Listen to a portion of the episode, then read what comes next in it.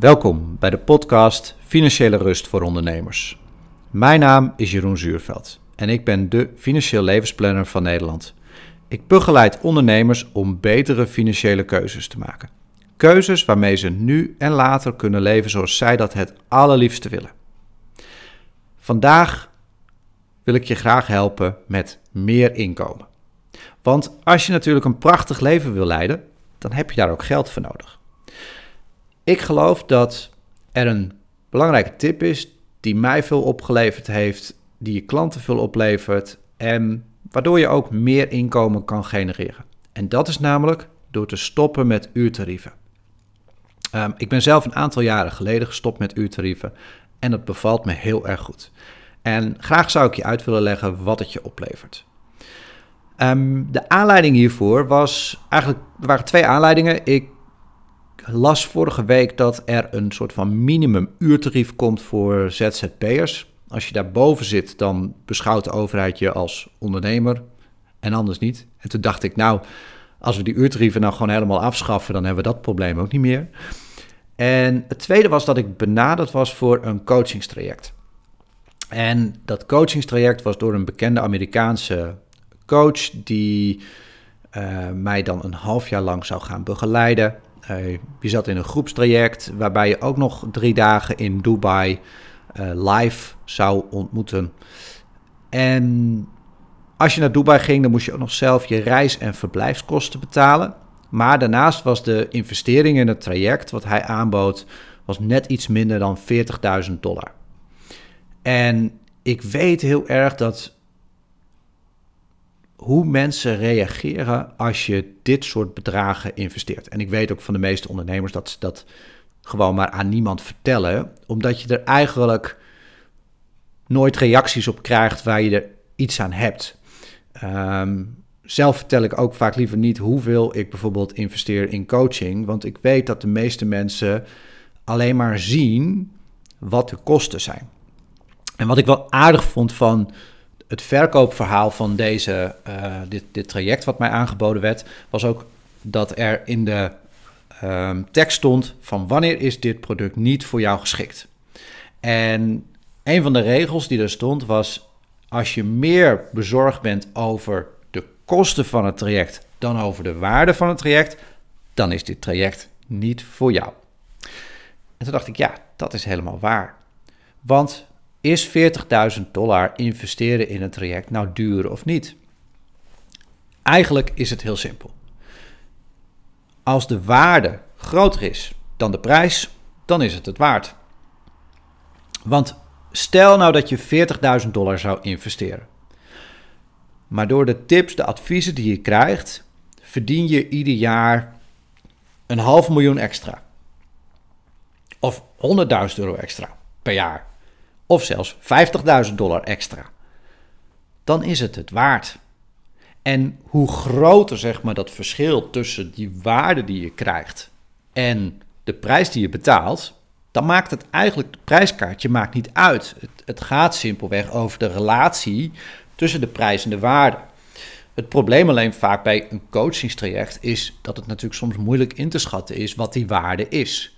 Maar feitelijk doen we dit de hele dag door als jij bijvoorbeeld, ik noem iets, je gaat naar de bakker toe.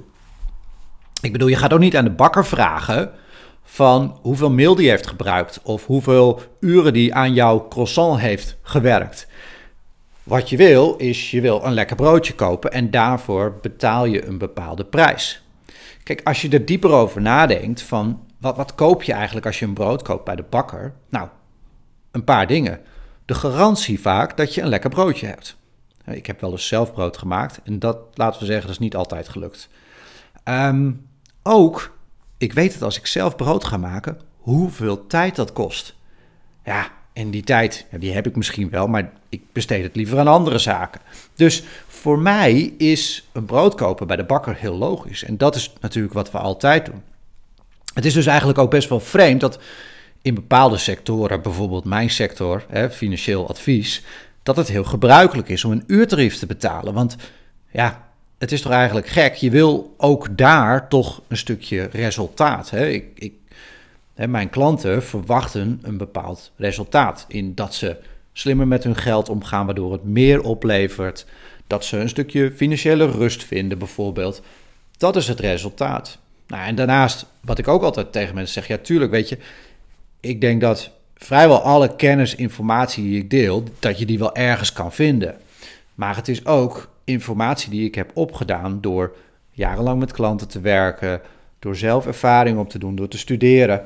En ja, ook daarin, ehm, iemand die die kennis niet heeft, die doet net zo eigenlijk als dat ik een brood koop bij de bakker.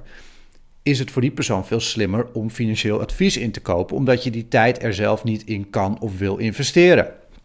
En dus we kopen continu dingen waarvan we niet exact de waarde kunnen inschatten. Alleen de prijs kunnen we wel zien. Dus weet je, uiteindelijk denk ik dat het probleem als je een uurtarief hanteert, is dat je een verkeerde focus krijgt. Namelijk, als we nou eens kijken vanuit twee perspectieven. Als je het bekijkt vanuit jouw perspectief, als je het heel erg plat slaat, dan is er eigenlijk een soort van belang om zoveel mogelijk uren te maken, want dan verdien je meer. Maar het probleem voor de klant is natuurlijk is dat er een bepaald optimaal punt zit. je kan natuurlijk ergens tijd in stoppen, maar in hoeverre levert op een gegeven moment meer tijd ook meer waarde op? Dus uiteindelijk is, gaat, gaat, als je werkt met een uurtarief, gaat het uiteindelijk ten koste van de waarde versus de prijs die een klant moet betalen. Nou, en daarnaast, wat ik heel erg geloof, is dat op het moment dat je eigenlijk je uurtarief loslaat, is dat je heel veel innovatie krijgt. En ehm, een mooi voorbeeld vond ik bijvoorbeeld dat een tijdje geleden sprak ik iemand op een congres en die verkocht een online training om mensen van het roken af te helpen. En hij was ervan overtuigd en dat kon hij ook staven met data, was dat hij een van de hoogste slagingspercentages had uh, van alle cursussen, zeg maar, om mensen van roken af te helpen. En nou ja, laten we zeggen dat, dat, dat er zijn allerlei vormen, zeg maar, van, uh, van roken afkomen of gezonde gedrag vertonen, wat, je, wat, wat jij ook in kan vinden. En stel dat je zou kunnen kiezen. Je kan kiezen tussen een online training die, die je misschien wel in een paar uur kan doen, of één uur. En daarmee heb je een kans van 90% om van roken af te komen. Of wellicht iets anders wat voor jou van toepassing is. Hè? Bijvoorbeeld meer sporten uh, of gezonder eten. Stel dat je een online training kan doen en die kan dat voor je realiseren. Of in ieder geval 90% kans dat je dat realiseert. Het alternatief is, is dat je bij iemand een jaartraject gaat doen, waar je iedere week langs moet gaan. En dat je ook 90% kans hebt om dat te realiseren. Nou, het is natuurlijk logisch dat eigenlijk die online training een veel betere deal is. En want het scheelt enorm veel tijd. En misschien is het dus wel veel waardevoller. Is eigenlijk die training enorm waardevol, ook al is hij online, is hij niet live met iemand.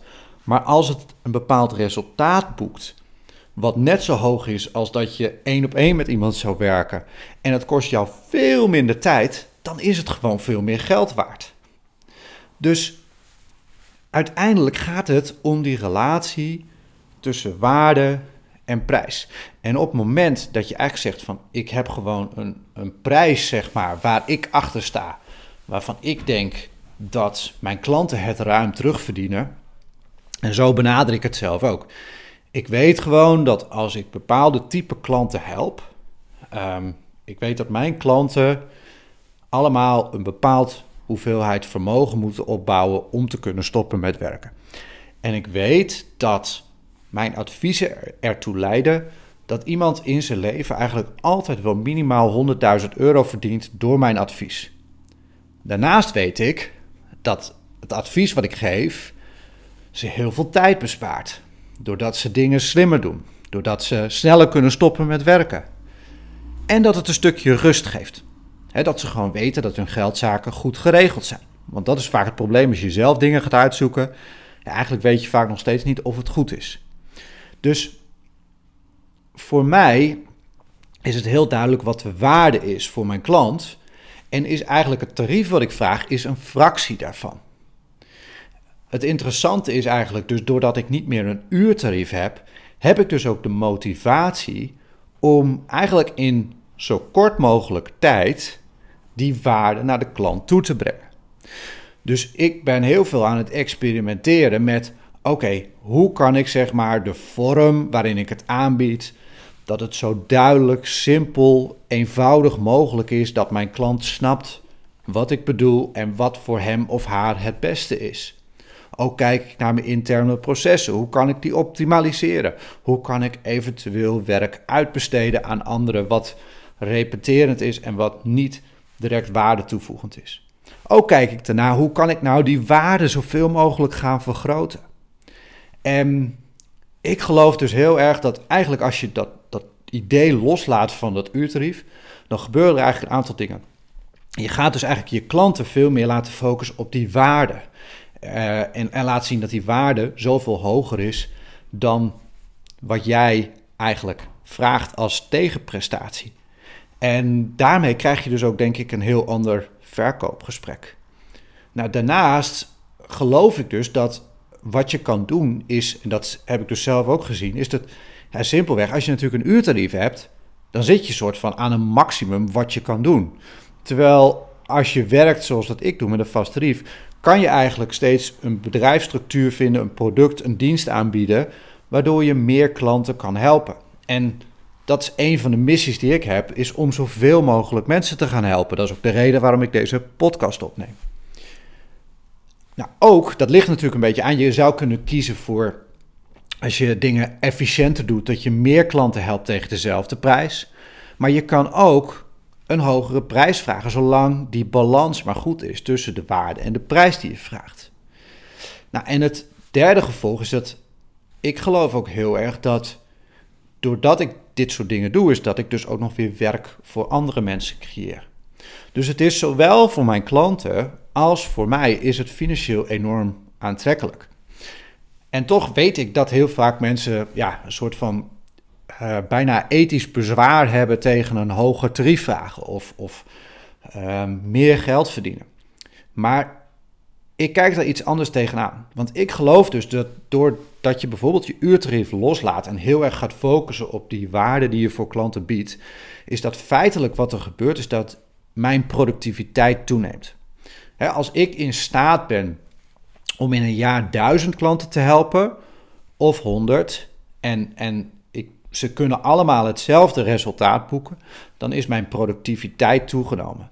Dan door de dienst die ik lever, zorg ik er eigenlijk voor dat het leven van heel veel mensen toeneemt, wat ook weer een enorme verspreidingskracht heeft naar andere mensen. En ik geloof dat zolang maar eigenlijk de waardestijging groter is dan de prijsstijging die je doet, dat het zeker ethisch juist is om een hoger tarief te vragen. En uiteindelijk profiteer je daar dus zelf ook van. Want dat maakt dat je in minder tijd meer geld kan verdienen. Dat maakt dat je de stap kan maken om eigenlijk je droomleven te gaan realiseren. Nou, ik hoop dat ik je geïnspireerd heb deze podcast met het loslaten van jouw uurtarief. Of wellicht als je nog geen ondernemer bent, om het te gaan worden. Want ondernemerschap is prachtig. Weet je, het is af en toe lastig. Um, laat zei iemand tegen me: het is continu één stapje achteruit om er weer twee vooruit te kunnen zetten. Maar het is iets waar heel veel potentie in zit. Je kan je talent erin kwijt, je kan je passie erin kwijt. En het biedt ruimte om voldoende geld te verdienen waarmee jij je dromen kan realiseren. En ik hoop dat deze podcast daaraan gaat bijdragen en dat je de volgende keer weer luistert. Dankjewel voor het luisteren en tot de volgende keer.